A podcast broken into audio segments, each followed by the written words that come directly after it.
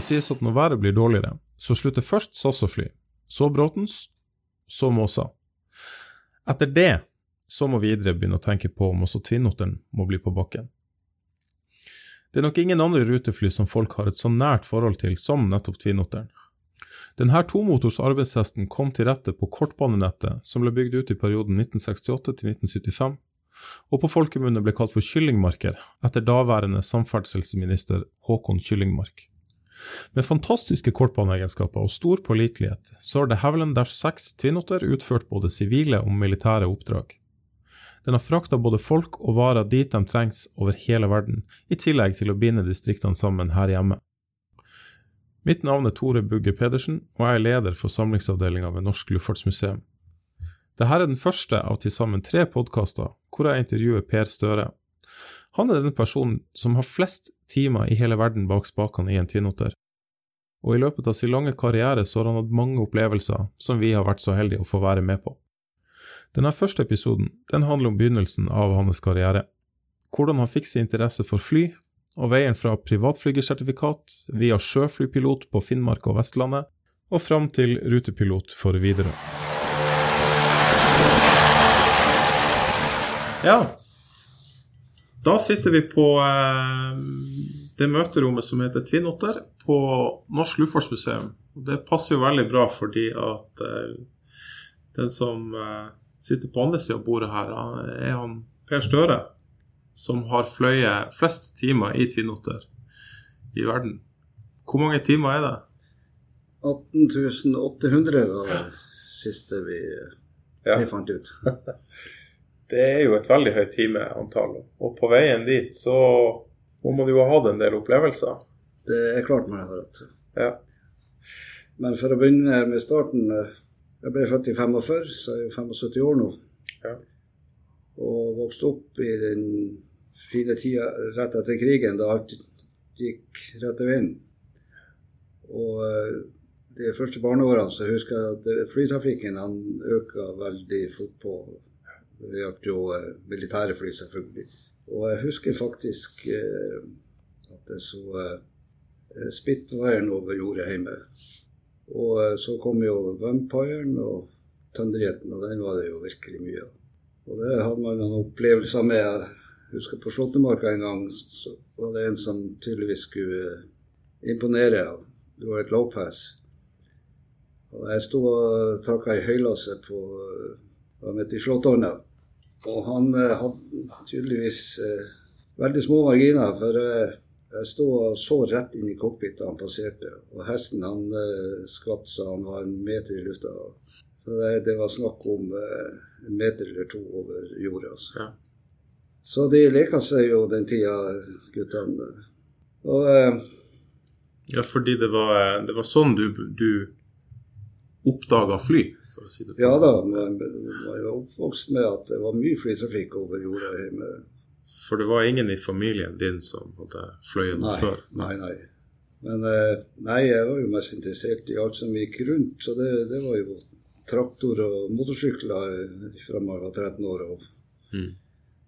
og så flyginga den kom inn eh, seinere, da etter hvert eh, skulle finne meg noe å gjøre, så endte jeg opp på eh, Forsvarets tekniske befalsskole på Kjevik.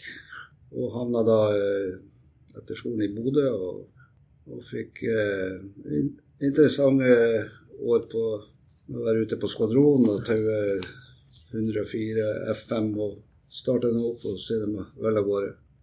Og eh, vi delte hangar, eh, den avdelinga mi, bakhusstyret med 719-skvadronen. Og der eh, var jo eh, mister eh, Bodø flyklubb en av de ansatte. Og han fikk lurt meg inn på en i klubben og tok meg med på en flytur. Og dagen etter så hadde jeg meldt meg på mm. A-sertifikatkursen. For du var, egentlig mer, du var egentlig kanskje mer interessert i den mekaniske biten? enn... Ja, i starten da. Så ja. man skrudde jo på motorsykler og traktor i oppveksten. da. Ja. Og sånn var det jo at man havna på Kjevik. da. Så.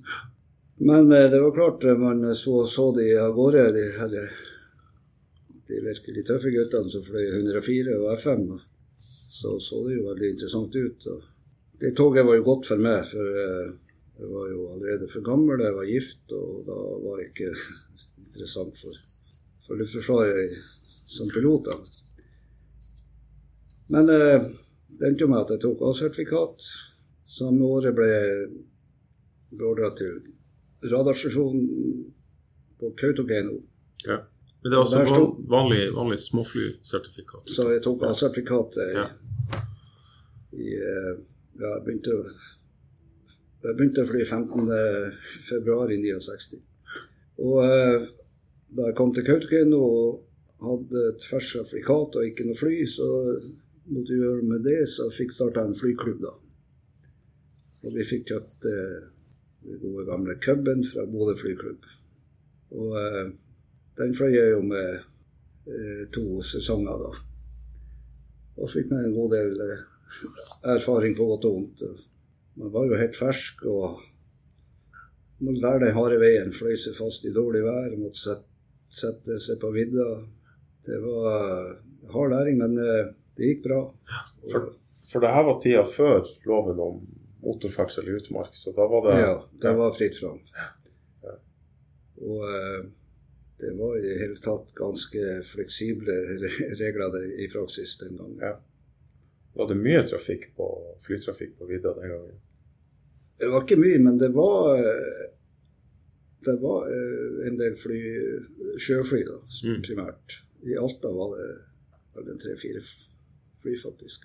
Pluss at Norving, eller som da i starten heter varmfly senere Norvik, de hadde jo base i Alta med, med flere fly. Mm. Og um, etter uh, den Cub-perioden så fikk jeg kjøpt en uh, Cessna 180 sammen med noen kamerater. Og uh, det ble jo liksom starten på, på karrieren, for da, da fikk man virkelig fly og, Ja. og lære seg det som skulle til. Den var også på flottører. Det var sjøfly. Oppretta du et selskap da? Nei, Nei? nei det, så langt kom vi ikke. Det var jo bare tre private eiere av det flyet. og Mm. Men eh, det var jo før loven om eh, motorferdsel i utmark kom, så vi kunne fly så mye vi ville på vannene. og Alle ville til fjells og på fisketur. og Høsten var det moltetur og greier, så det, Mm. det var veldig mye flyging. Jeg kunne være på de verste dagene i sesongen det kunne være oppe i en 30 landinger for dag. Ja. Så man eh, fikk veldig god trening. Og da var det, det var fisk og multer og jegere. Ja. Ja da, det var det det gikk i. Ja. Fisking. Så fort isen gikk, så begynte jo fiskinga. På sommeren så kom multene. Man fløy jo inn tonnevis med mult. Ja. Finnmarksvidda er stor, og, og det var mørkt overalt stort sett. Og eh, om høsten så var det, så var det rypejagere. Vi har jo en uh, Nordin Norseman i utstillinga vår, som er under restaurering nå. Ja. Men den lå jo lenge på vidda, ja. og den har du fløy over. Den, eh, den lå i et vann som jeg fløy Ja. over. Ikke daglig, men eh, veldig ofte. Og den gangen hadde jo eh, Norving eh, en Norseman i Alta. Mm. Så det, hver gang man eh, hadde der til Alta, så, så var man i, på havna der og så på de Norseman som brukte hele Altafjorden for å komme seg i lufta med søppellaster med, med fiskere. Ja. Og det, det her var i den perioden etter hvor de her eh, berømmelige turene med, med det som skal ha vært spioner osv. ble fløyet inn. Ja, ja det, det er jo bare noe jeg har hørt om, men, eh, Ja. men eh, daværende flygesjef han var jo involvert i de turene der. Mm. Nei da, så, eh, så jeg ville jo videre da og få det her som jobb. Så jeg dro til, til USA og tok eh, flyskolen som mange andre gjorde på den tida. Og eh, kom hjem med ja, alle papirene som skulle til, men eh, jobba var det jo ikke. noe. Så jeg måtte jo skape meg egen jobb og bare fortsette med sjøflyging så lenge det var lov. Det var liksom eh, timer man måtte ha for å få seg jobb. Erfaring, det var tingen den gangen. Og eh, da jeg passerte 800 timer, da begynte jeg å søke jobber, men det var negativt. Og Men så var eh, tilfellet at jeg, jeg gikk eh, på, på sånn uh, ICAO-kurs nede i Oslo på høsten 73. Og tilfeldigvis så traff jeg en kar, en mekaniker i, i flybransjen, som nevnte at han hadde truffet en mann som vil ansette en sjøflyger. Det var kjøpt inn et, et helt ny Cessna 206, og, og vedkommende var ute etter en pilot. 206 den er som en 180, men større. Men større, ja. Ja. Seks etter. Ja. Og eh, så neste morgen eh, så stiller jeg på kontoret til vedkommende som eh, var ute etter den piloten da, og, og bare sa ifra at eh, den jobben skulle jeg ha. Mm. Så han så bare litt på meg. og Jeg, jeg kjente han jo fra før, det at han, vi kjøpte den eh, Cessna 180 hos han. Det var greit, jeg fikk jobben. Og jeg, jeg tror det var den eneste jobben, flyjobben det året. Det var veldig nedgangstider med oljekrise og alt som var i 73. Så jeg var jo heldig da. Jeg var på rett sted til rett tid. Og da havna jeg nede på Sør-Vestlandet, base Egersund, og, og skulle fly eh, for et eh, entreprenørfirma som hadde fått eh, jobben med å bygge alle veiene til ja, den største kraftutbygginga i Norge, Ulla Førre-utbygging. Det var snakk om en 15 års byggetid, så det Der var det nok Og der fløy jeg da i to år. Året rundt på sjø. Og det var Det var ganske god læring, ja. Mm.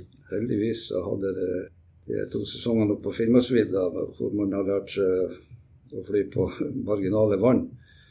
Men der kom man ned, og, og plutselig hadde man eh, fjell tusener av føtter over seg og, og skulle eh, tilpasse de forholdene. Det, det var atskillig røffere. Med turbulens og greier. For, for den gangen så var det ikke, hadde ikke kraftselskapene begynt. I dag er det jo veldig mye bruk av helikopter. Ja, men eh, den gangen så var det jo ikke Ja, ja, de brukte jo helikopter allerede, men eh, det var nå i startfasen. Mm. Men det var jo dyrt. Og eh, Så de her karene de var, de var litt fremsynt, for de, så jo at de kunne spare mye penger på å, å, å bruke eget fly inn i fjellet. For det, alternativet det var kjøring med bil og diverse ferger og greier. Så halve arbeidsuka gikk jo i kjøring. Mm. Så jeg fløy dem til og fra hver helg. Og alt som gikk an å, å frakte med det flyet, av reservedeler til maskinparken. Og ja, hele tatt Man fløy alt mulig. Jeg frakta ferdigbetong opp til fjells. De skulle bygge demning. Og frakta båter som vi som vi eh, monterte på utsida av flyet. Selvfølgelig reiste de opp. Det var jo så stor at de sto på høykant ned på flottøren og helt opp under vengen. Og vekta var jo ikke noe problem, men, eh, men eh, aerodynamikken ble jo litt forandra når du fikk eh, sånn last. Og man fløy material til, til forskaling av demning inn på fjellet. Mm. Det gjorde jo at uh, svingradiusen på flyet ble jo halve fylket omtrent. For det, det ble store flater, så mye større enn rorene. Det var mye læring. Det var ikke noe man hadde sett i noen bøker. Man prøvde seg frem, og det, det fungerte etter hvert. Det var litt før de, ja, Det var vel en del reguleringer som ikke var på plass ennå. Ja, det kan man si. Dere var vel på sett og vis litt sånn prøvekaniner, på en måte. Det ble vel var, eh, form for prøvekaniner. at de, de erfaringene som dere gjorde, det var det som lå til grunn for det regelverket som skulle komme etter hvert. Ja da, jeg vet jo at eh, man eh, gjorde jo ting som ikke er lov i dag. Ja. Men den gangen var det ikke spesifisert, så eh, det som ikke sto, det var jo liksom lov. Så f.eks. det å lande på Jeg fløy jo vinteren og landa på isen med flottører og, når det frøs til inn i fjellet. og Det er visstnok ikke lov i dag. Men det fungerte, det òg. Det er jo som et par veldig store skøyter. Ja da. Problemet var at det var jo ingen bremser på det. Nei. Så hvis det ikke var snø på isen, så, så glei det bare uendelig. Og eh, da måtte man bare prøve seg ræva. Jeg trødde fullt siderord, så han snudde 180 grader, og så bare parerte med motor. Og så ble det revers. Og da. Så det, det var Men det fungerte. Man fikk utrolig god kontroll med flyet etter hvert. Ja. Hvor lenge fløy du på Vestlandet for Det var to år. To år. To år, ja. Så det ble jo halvannen tusen timer inn i Mm. Ryfylkeheiene da. Det er jo ganske Det er jo utvikling, det også. Begynte å fly med cub og så gått over til 206. Ja. Den, er en, den er jo en aktuell maskin selv i dag. Ja da, Eh, hvis du bare får lov å, å lande plassen. Ja. Men den loven, den, den knekte jo nærmest eh, sjøflytrafikken i Norge. Ja. Så eh, det er synd. Og den kom i 1977. Ja. Men så eh, var det en overgang. Du fikk eh, Ja, nei, så eh, hadde jeg jo fått med såpass mye erfaring, da, og eh, da begynte jeg å søke meg videre. da. Så jeg søkte selvfølgelig Widerøe og Norving. mm. Så fikk jeg da først jobb i Norving. Og det ble bare et hardt år der, for eh, det var jo den tida Videre utvida fort og ansatte folk stadig vekk. Så at jeg fikk med meg en hel sesong fra 1. mars og i seks måneder. Og eh, det var en veldig interessant tid, for der, der fikk jeg fly eh, ja, 206 Amfibium. Vi hadde en eh, Navau til, til sånn lang flyging. Og blant annet var vi på Svalbard med den. da. Ja, rundt i hele Norden. da. Men eh, kongen, det var jo liksom singelotteren, da. Ja. Og eh, så jeg var jo så heldig at jeg var en av de siste i landet som fikk utsikt på eh, singelotter. mm. Og det var i Norving. Det var Norge. Da hadde du base i Base i Bodø. Ja. Ja, det var, det var en fantastisk tid.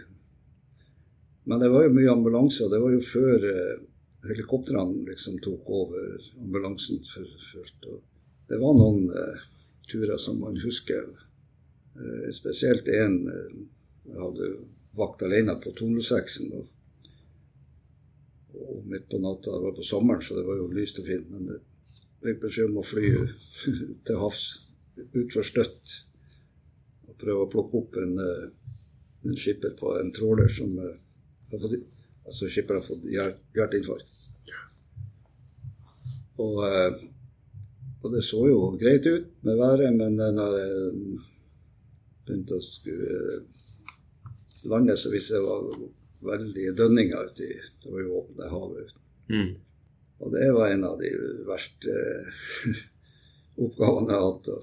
Da hadde man vel litt flaks at det gikk bra. Dønningen var jo så stor, det var ikke snakk om å lande på tvers. Du måtte prøve å ri på ryggen av dønningen. Og det er vanskelig, for han rulla unna det hele tida. Men eh, farta gikk jo fort ned, og så, så glei jo ned i bølgenaren. da. Og de var så høye, de dønningene, at når jeg gikk ut på flottøren for å ta imot eh, lettbåten med han, pasienten. Eh, Så når jeg var nede i bølgedalen min og, og lettbåten var i andre, da så ikke båten. Altså. Mm. Så det var ganske store dønninger. Og eh, det gikk jo greit å få han om bord, og så var jo spenninga å komme seg i lufta igjen på det underlaget der. Og det, det var en av de verste avgangene jeg har hatt. Og, og Mm. For eh, når jeg var nede i Bølgedalen, eller det var dønning, da, så var eh, vingene nesten i vannet. Mm. Men vi kom i lufta, og, og eh, jeg fikk jo melding fra sykehuset at de berga meg. Så det var jo tilfredsstillende at man av og til kunne gjøre litt ekstra og, og få betalt. Ja. Men stort sett så var det jo ikke så dramatisk, da. Det var, men det var hele tida oppgaver. interessant, ja. Hvordan var nødredningstjenesten da med nødhelikopter og redningshelikopter? og Ja, det, vet, helikopter var det jo Forsvaret hadde jo selvfølgelig helikoptre og, eh, den S61 Mm. var jo var velkommen. Så det, der var jo eh, der var jo redningssystemet. Men eh, den ambulansen det gikk stort sett med sjøfly enda da. Ja. Så, så jeg må si nattambulanse på sjø, det, det er ganske spennende flyging. Altså, så jeg var glad jeg var ferdig med det. Altså. For da har du bare høydemåleren og det du måtte se med landingslysene. Så. Ja, og landingslysene de er ubrukbare i vann i Ja. natta. Det, det sluker alt. Og jeg hadde en, eh, en ambulanse oppe på Finnmark og fra vidda med en som hadde Det var et vådeskudd. Og eh, det ble jo også en ganske hårete eh, tur. For eh, det var jo den gamle 180, og, og det ble mørkt før vi kom ned til Alta. og eh, jeg fikk høre at eh, Norving hadde eh, nekta å ta den turen fordi de anså forholdene var litt for røffe. Og vil ikke ta den i mørket. Så viste det seg jeg kom på Plutselig så var jeg på topp og så ikke noe og det var jo ikke noe instrument i den gamle 180 eller. Når du sier på topp, da, da var du over skyene? ja. i mørket der. Og så fikk jeg kontakt med Alta, og de sa at de så stjerner o- midt over plassen. Så hvis jeg bare holdt kursen så jeg traff eh, Alta, så ville jeg da sannsynligvis få Mm. bakkekontakt.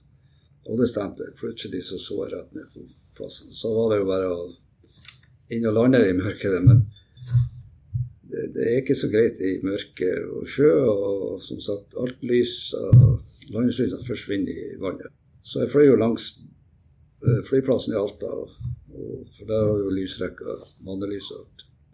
Men med en gang du har passert det, så er det bare mørkt. Og da sitter du bare der og descender med minimum desember og venter og venter til du Til du tar? jeg kom nedpå. Og jeg husker akkurat idet jeg, jeg tok ned på vannet, så ser jeg en skygge under vengen. Det var en båt som lå der. En, ro, en robåt. Så, eh, så det var jo en del sånn nesten-episoder. Men det endte med at eh, jeg leverte pasienten, og så fortøyde flyet og lå over til neste dag før jeg fløy hjem igjen. Mm. Nei altså, så det har vært noen sånne episoder man husker, for de, de, de ble litt, litt for spennende. Og det var eh, i grove trekk tida fram til du begynte i Ja, Da fikk du jobb i Widerøe. ja etter det halvåret i Nordving, så med, Som sagt, høydepunktet var jo singelotteren. Det var jo fantastisk fly. Og, og det gjorde jo at eh, da jeg da begynte videre, så så var jeg jo halvveis utsjekka for singelåter. Det var jo forløperen til Tvinnåter. Mm. Så det var jo mye likt, bortsett fra at det var jo ikke samme motorrett, selvfølgelig. Men eh, flyet var jo ganske likt. Og, eh, og det var jo starten på 25 års karriere på ruteflyging.